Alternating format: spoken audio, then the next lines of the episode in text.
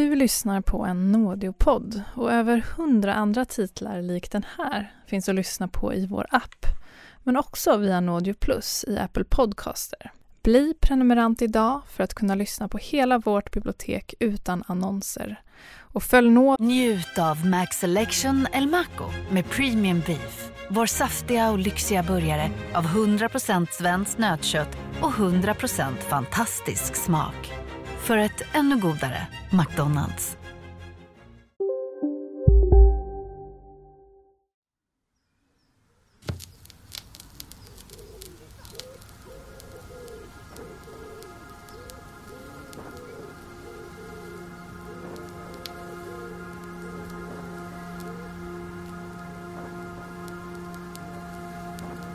Juni månad, Gotland, år 1944.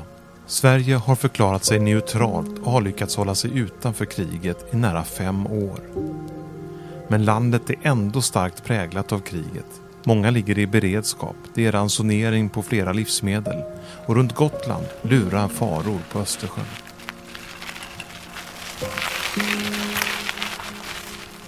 Men livet pågår som vanligt något sånär ändå. 23-åriga Göta har mycket att stå i. Hon och hennes man ska flytta för Göta har fått ett nytt lärarvikariat i Hamra på södra Gotland. Hennes man är på sjön och hon får sköta flytten själv. Hon tar cykeln de 17 milen mellan Fleringe och Hamra. De har redan en son, men det är fler barn på väg. Så hon tar honom på pakethållaren och jag ligger i magen. Och det här, alltså hon cyklar iväg och ska cykla till Hamra med en unge på magen. En, en unge i magen och en unge på pakethållaren.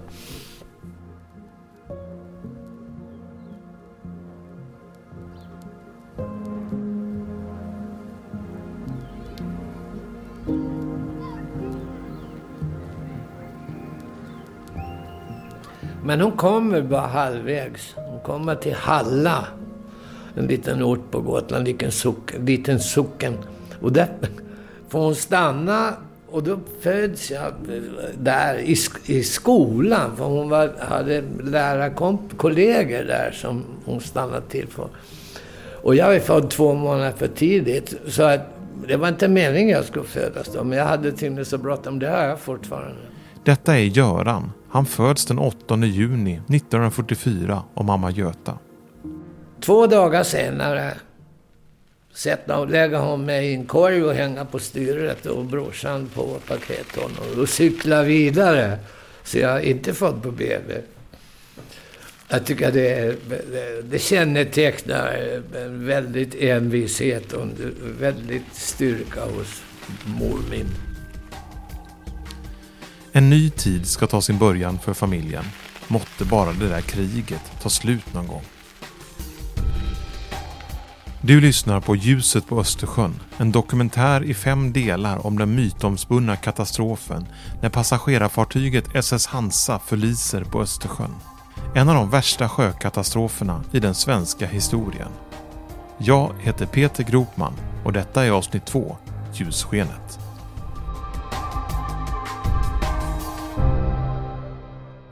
Det började som en skakning på nedre däck I mer än tio år har Jakob Ringbom haft ett brinnande intresse för Hansa-katastrofen. Men intresset för sjökatastrofer började med en annan och mycket större katastrof till havs. När jag var fem eller sex år gammal så kom pappa hem med eh, Mikael Wiehes eh, skiva, den med den här klassiska Titanic-omslaget. Jag, jag sprang omkring med den där i ett, i ett ett års tid. Hade jag med mig den där skivan överallt. Jag lyssnade inte så mycket på den utan jag gick och tittade på den här bilden på Titanic. Och blev så oerhört fascinerad redan då. Jag förstod att det var någonting med det här som, som, som lockade liksom. Kanske var det inte så konstigt att Jakob fascinerades av det där skivomslaget med Titanic. Hans släkt är full av sjömän och historier. Det är ju ett väldigt brokigt släkte det här, Ringbommarna. Det. Göran Ringbom är far till Jakob Ringbom. Ryktena var att det var ett italienskt fartyg som havererade utanför Gotland och så kom det i land italienare så de säger att vi är italiensk släkt och eh, ja, det, det, alltså det går så mycket snack i gårdarna om jag säger så. Och det har jag gjort alltid på Gotland. Min farfar, han hade två segelskuter, alltså som fraktskuter. Som fraktade gods över, och sten framförallt, mycket sten. Över hela, ja, hela Norden såklart. Va? Och han var, han var, kapt, ja, han var kapten, sjökapten. Han var en liten, liten gubbe med ett öga. Han hade fått ett utskjuten när han var barn.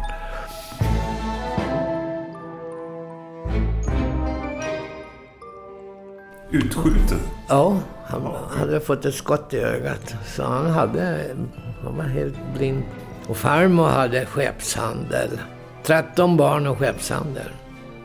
Så jag har, jag har lite brås på, även om jag är liksom mer eller mindre rädd för vatten eller öppet hav så, eh, så brukar jag säga att jag är sjöman fast jag sitter bakom skrivbordet. Jaha, är du, är du rädd för vatten alltså? Ja, jag är helst inte ute i en mindre båt i alla fall. Nej, det undviker jag. Var kommer det ifrån? Jag vet inte, jag tror att jag har läst för mycket sjökatastrofböcker så att jag... Eh, eller jag ska säga inte rädd, jag har en oerhörd respekt för det.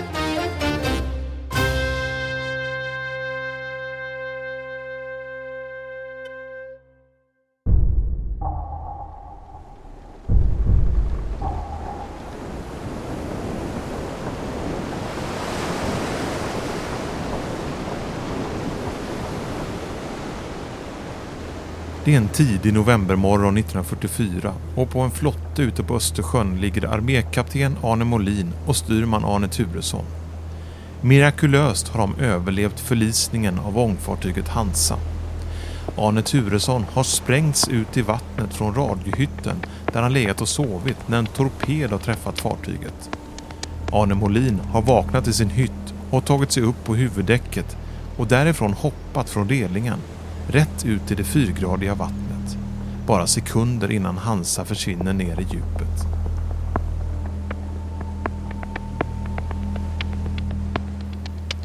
Nu gäller det för männen på flotten att härda ut, för hjälpen dröjer. Eh, Turesson vet ju att han har inte sänt något eh, SOS. Han vet att innan någon räddningsaktion är igång så kommer det dröja några timmar. Det är sannolikt inte förrän Hansa inte kommer till hamn som det kommer att eh, slås något larm helt enkelt. Så jag tror att den stora rädslan är väl ja, utsattheten för väder och vind. Jag tror att det är det som jäckar dem mest. Eh. De har tur för de har hittat rätt sorts livflotte. En välutrustad flotte med plats för cirka 30 personer. Turesson vet ju vad som finns. De har, de har ju lyckats hitta den övre av Källströmsflottarna. Som, det är den som är krigsutrustad med mat och filtar och allt vad de nu behöver. Det finns till och med raketer och det finns nödbloss. Men det finns ett problem. Det mesta går inte att tända eftersom det är blött och flotten tidigare legat under vatten. Men det finns mat ombord som går att äta. Corned beef, de har um, choklad och knäckebröd. Eh, och jag tror att det är Molin som har eh, lärt sig också i det militära att om man, om man äter så håller man värmen. Eh, så att de käkar och dricker vatten. De tar på sig oljrockar och klipper sönder filtar som de lindar in sina bara nedkylda ben med. Men sen framförallt tror jag de försöker hålla värmen och hålla modet uppe så länge mycket de kan. Liksom. Hansa blir träffad strax före sex på morgonen Det är då som Hansa brukar höra av sig till Visby via radion.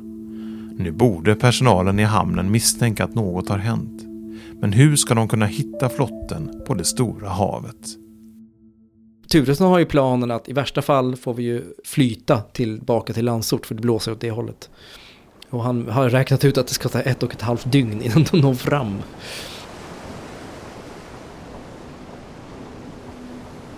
Armékapten Arne Molin är vid den här tiden 35 år och beskrivs som beslutsam och spänstig. Och han verkar ha varit förberedd på att något sånt här kunde hända. Han hade träffat någon ganska nyligen in på katastrofen till exempel som berättade om du någonsin blir torpederad eller om ditt fartyg sjunker som det är på då ska du gå så långt bak som möjligt och så ska du hoppa så långt ut som möjligt från fartyget mot färdriktningen. Det kanske ingick i någon sorts militärutbildning eh, rent mentalt i alla fall. Att, att man, man var tvungen att förbereda sig på oförutsedda händelser helt enkelt. Arne Turesson däremot beskrivs som lugn och lite sävlig som person. Han har, han har jobbat på sjön i hela sitt liv och han, han liksom kan inte tänka sig ett liv utan sjön heller. Jag tror att det här ligger i släkten hos familjen Turesson, det är någon sorts sjömanssläkt. Eh, men där har vi också en, även, samtidigt som han är beslutsam så han, är han väldigt, väldigt, eh, vad ska jag säga, lugn. Det är kanske det som håller honom vid liv. Det här lugnet, eh, en ganska fåordig person. Eh, vilket jag brukar då tolka som det gotländska liksom. Det är liksom ingen, här har vi ingen som skryter och berättar vitt och brett om sina erövringar eller vad det kan vara. Utan här är en, en ganska tillbakadragen men ändå eh, beslutsam på sitt sätt. Lars Krutoff, som tillsammans med Jakob Ringbom forskat kring Hansa-katastrofen, vill addera ytterligare ett perspektiv till varför det är just Arne Turesson och Arne Molin som överlever. Tur. Jag tror att det är tur. Arne Turesson som sprängdes ut ur fartyget och vaknade av att han stod på en bit planka i vattnet. I hans eget fall att, att hamna i vattnet så eh, och vakna till och lyckas klara sig på det viset. Ren tur. Eh, Molinen naturligtvis. Han hade ju då möjligtvis jämfört liksom med många andra så hade han ju sinnesnärvaro att ta sig upp på däck och, och hoppa av och så vidare. Så en handlingskraftighet får man ju ge dem bägge två.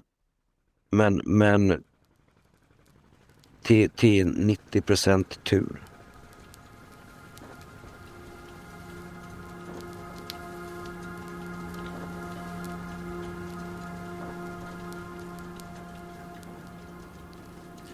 Den här morgonen är Hansa förväntad till att lägga till i Visby mellan åtta och halv nio.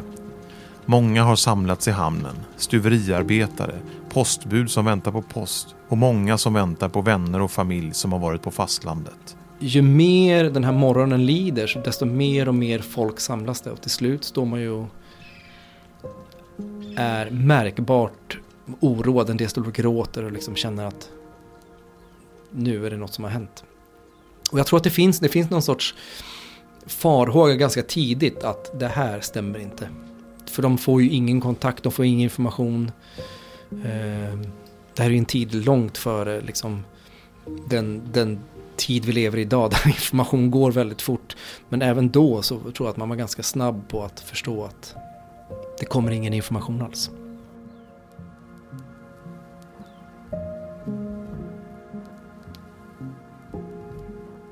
Först vid kvart över tio skickar marinen på Gotland ut två minsvepare för att söka efter Hansa.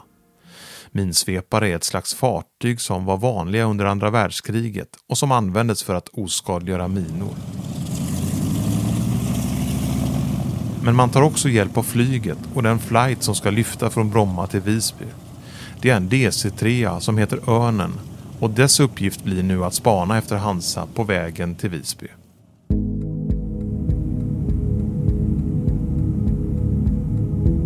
Men flygningen ska visa sig att bli allt annat än behaglig. Den här förmiddagen ligger molnen otroligt lågt och det tvingar ner planet på en väldigt låg höjd. De är så lågt så att de är tvungna att flyga på 30 meters höjd över vattnet för att kunna se någonting överhuvudtaget. Ehm, och det är ganska skarpa girar för de, de gör en ganska avancerad flygning för att kunna hitta de här... Om de nu kan hitta någonting, men de, de söker verkligen så gott de kan.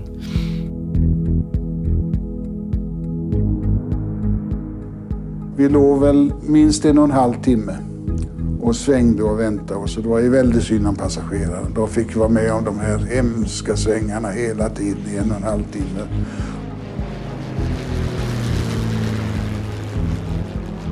Och det, de kräktes ju hade sig. De visste ju från början inte vad det var frågan om heller. Säger Sigge Rosén, andre styrman på Önen, här intervjuad i en SVT-dokumentär från 1988. Men ni berättade för dem va? så småningom fick reda på det. Bland annat var det Ekman, det var eh, Gotlandsbolagets direktörs son var med ombord. Han hade missat båten och tog flyget istället. Så han skickade in en lapp till oss och talade om att jag är den och den och vad jag stod frågan om fick han reda på att det var Hansa som hade gått under.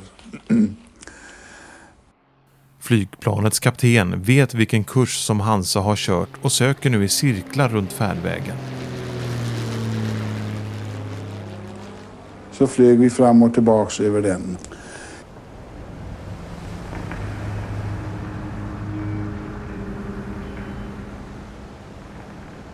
I nästan åtta timmar har nu Arne Molin och Arne Turesson legat under presenningen på flotten.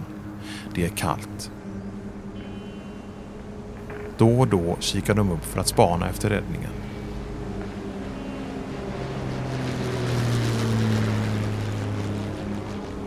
Och plötsligt hör de ett motorbuller.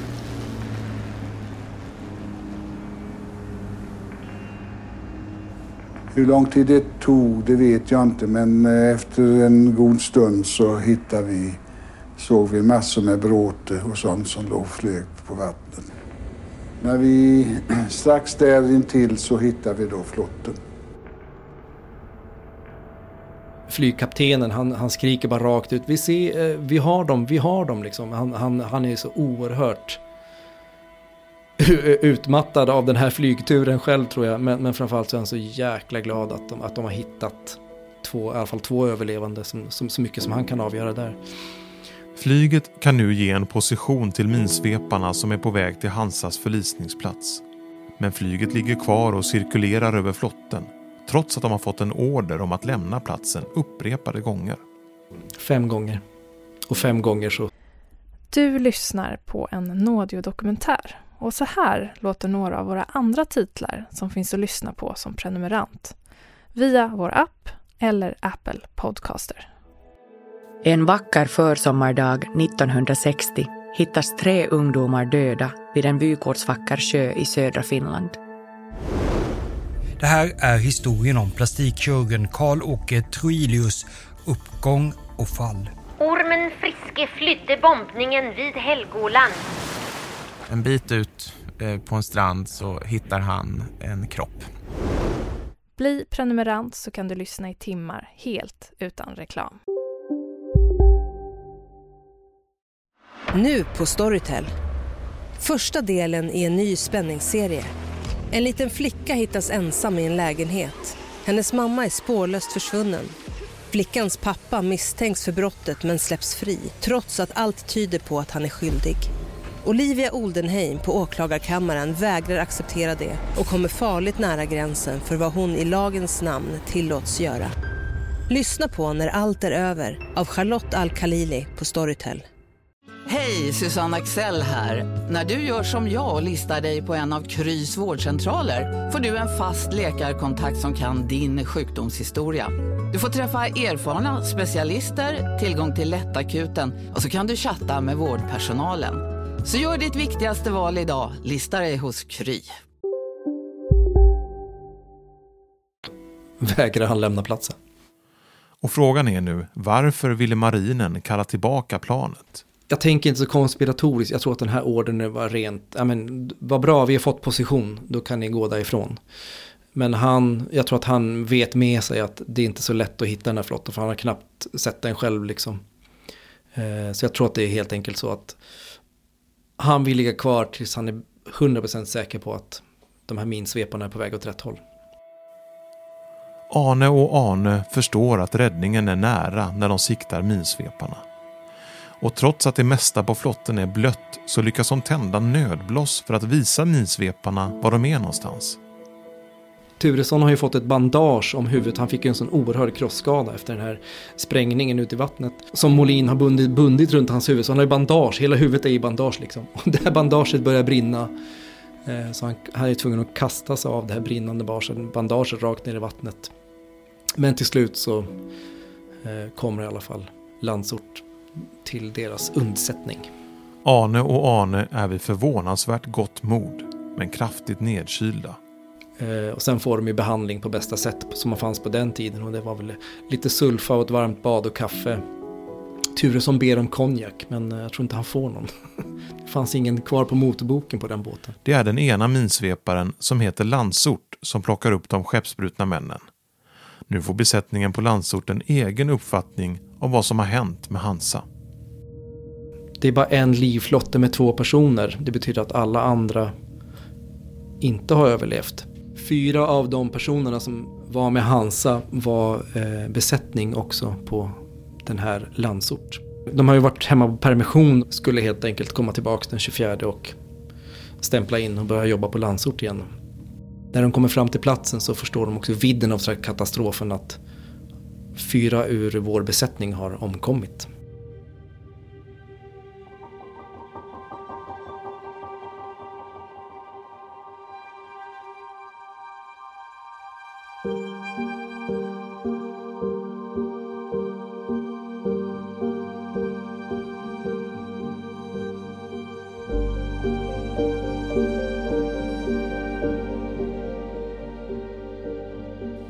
Extra nyhetsutsändning från TT. En sjökatastrof har under natten inträffat mellan Gotland och fastlandet. Gotlandsångaren Hansa har gått under på resa mellan Nynäshamn och Visby. På eftermiddagen har det samlats ännu mer folk i Visby hamn. Många kan se när Landsort kommer in och de två överlevarna går i land. När kommer nästa båt med överlevande? Och då får de bara svaret att men det finns inga fler.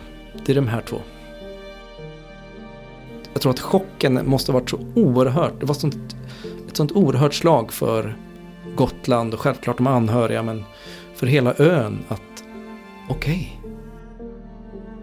Två personer av 86 har överlevt. 84 personer har omkommit. Naturligtvis står folk och hoppas, hoppas.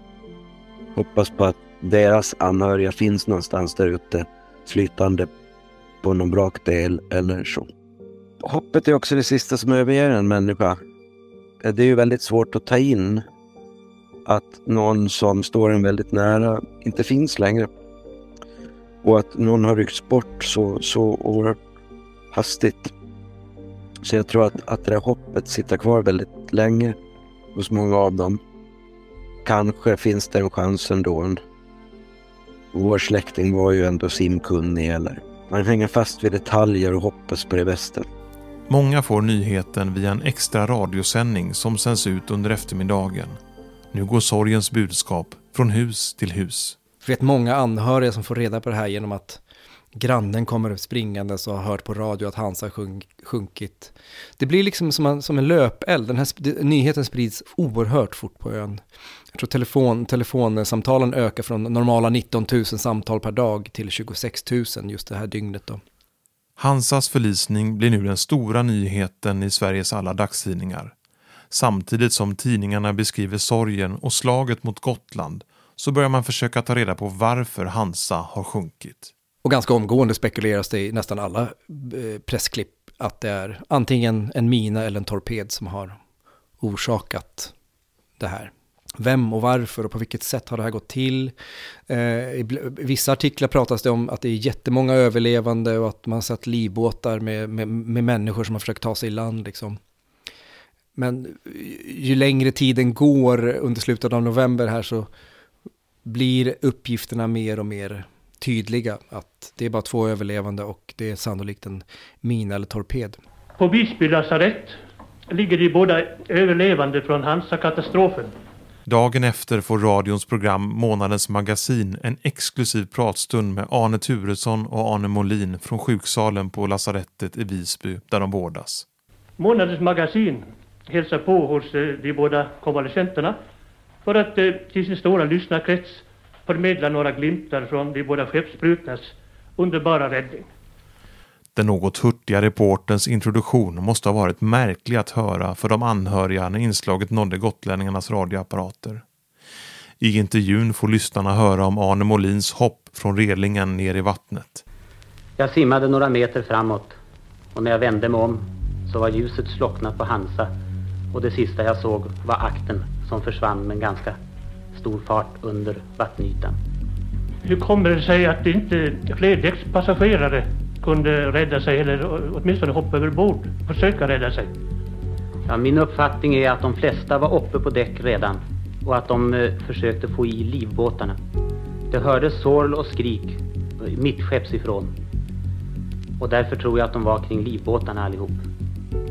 Ja, det stod i någon tidning att en livbåt hade siktats och att det fanns folk i den. Jag undrar hur det hänger ihop med det egentligen. Efter sen Hansa hade sjunkit, så eh, efter vad jag kan förstå, så var det bara fem man som hade undgått att dras ner av virvlarna i djupet. Och utav de fem var styrman Turesson och jag två.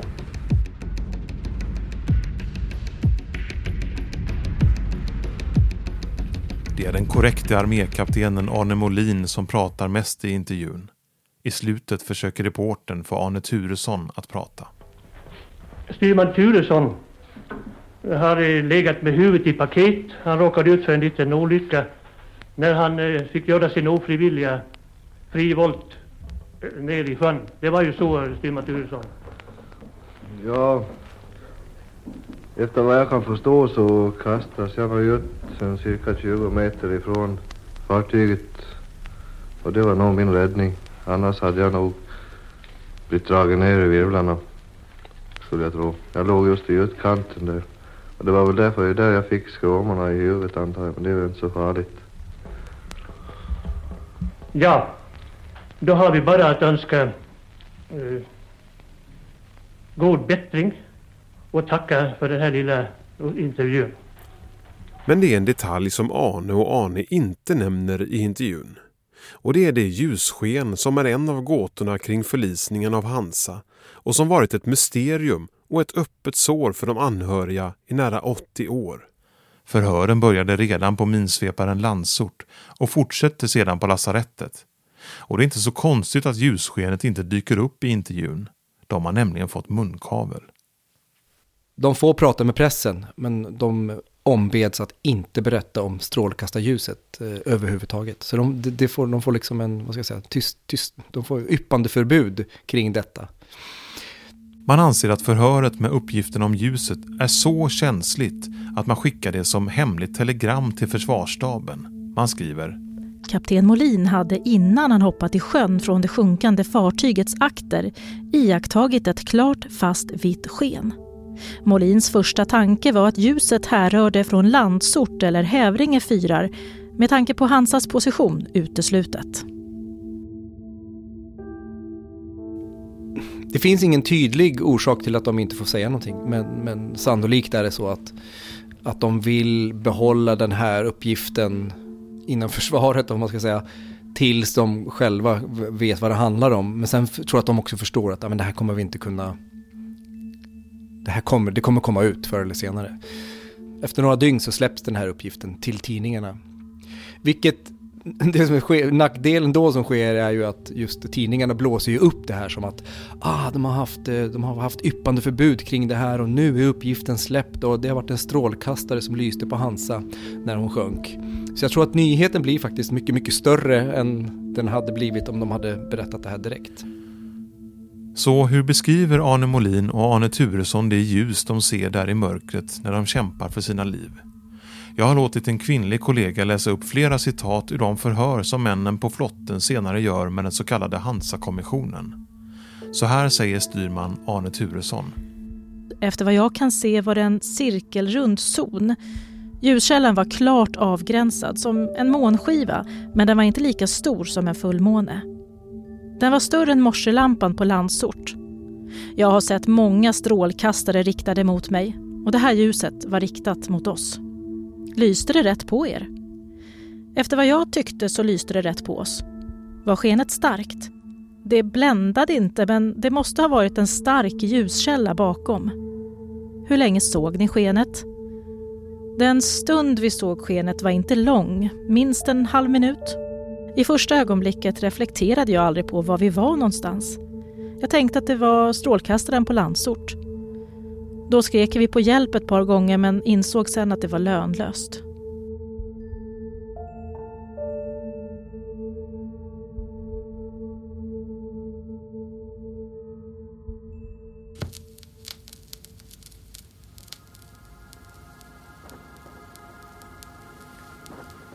Ryktet om att Hansa inte kommit in till Visby har spridit sig till södra Gotland.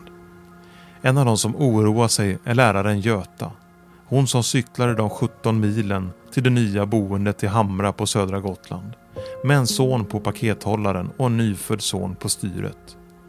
Nu har hon installerat sig i skolan i Hamra dit hon och hennes man Jens flyttade tidigare på sommaren.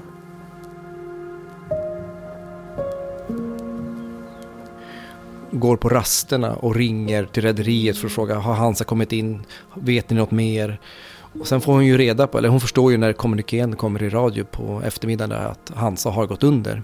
En sjökatastrof har under natten inträffat mellan Gotland och fastlandet. På båten fanns Götas man Jens, lätt matros på Hansa. Och de förstår att det finns två överlevande och hon är ganska, ganska snabbt kommer det ut att Jens inte är en av dem.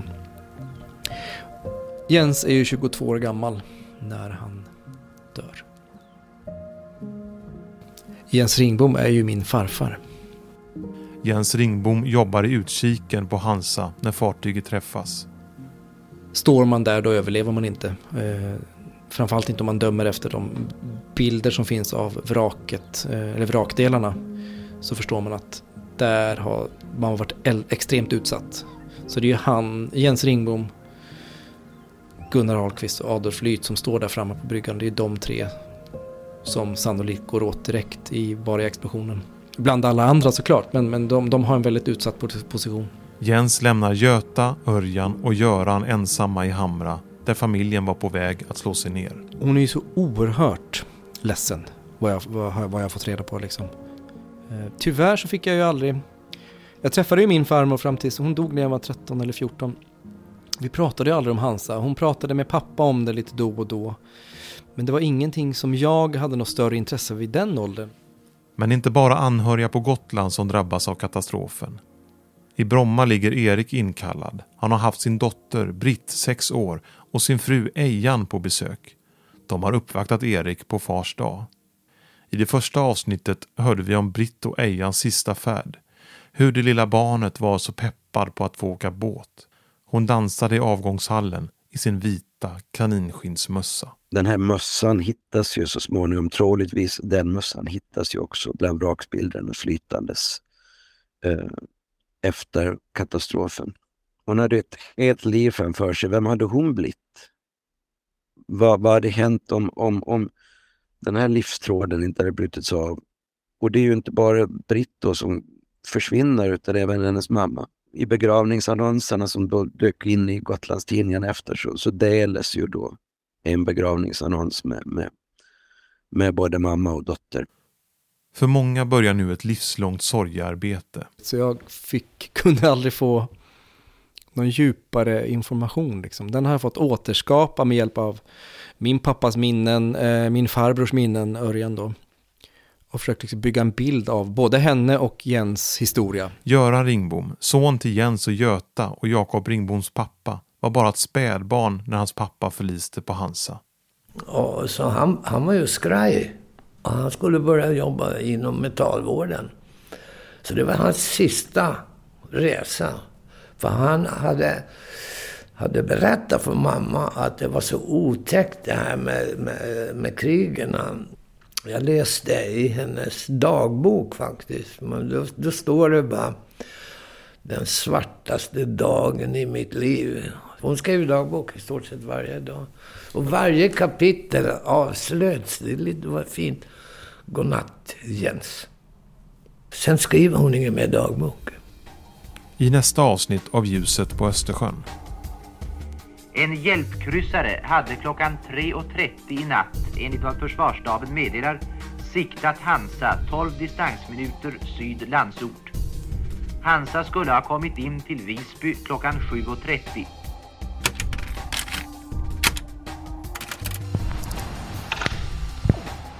Här är det hur tydligt som helst att hjälpkryssaren ljuger.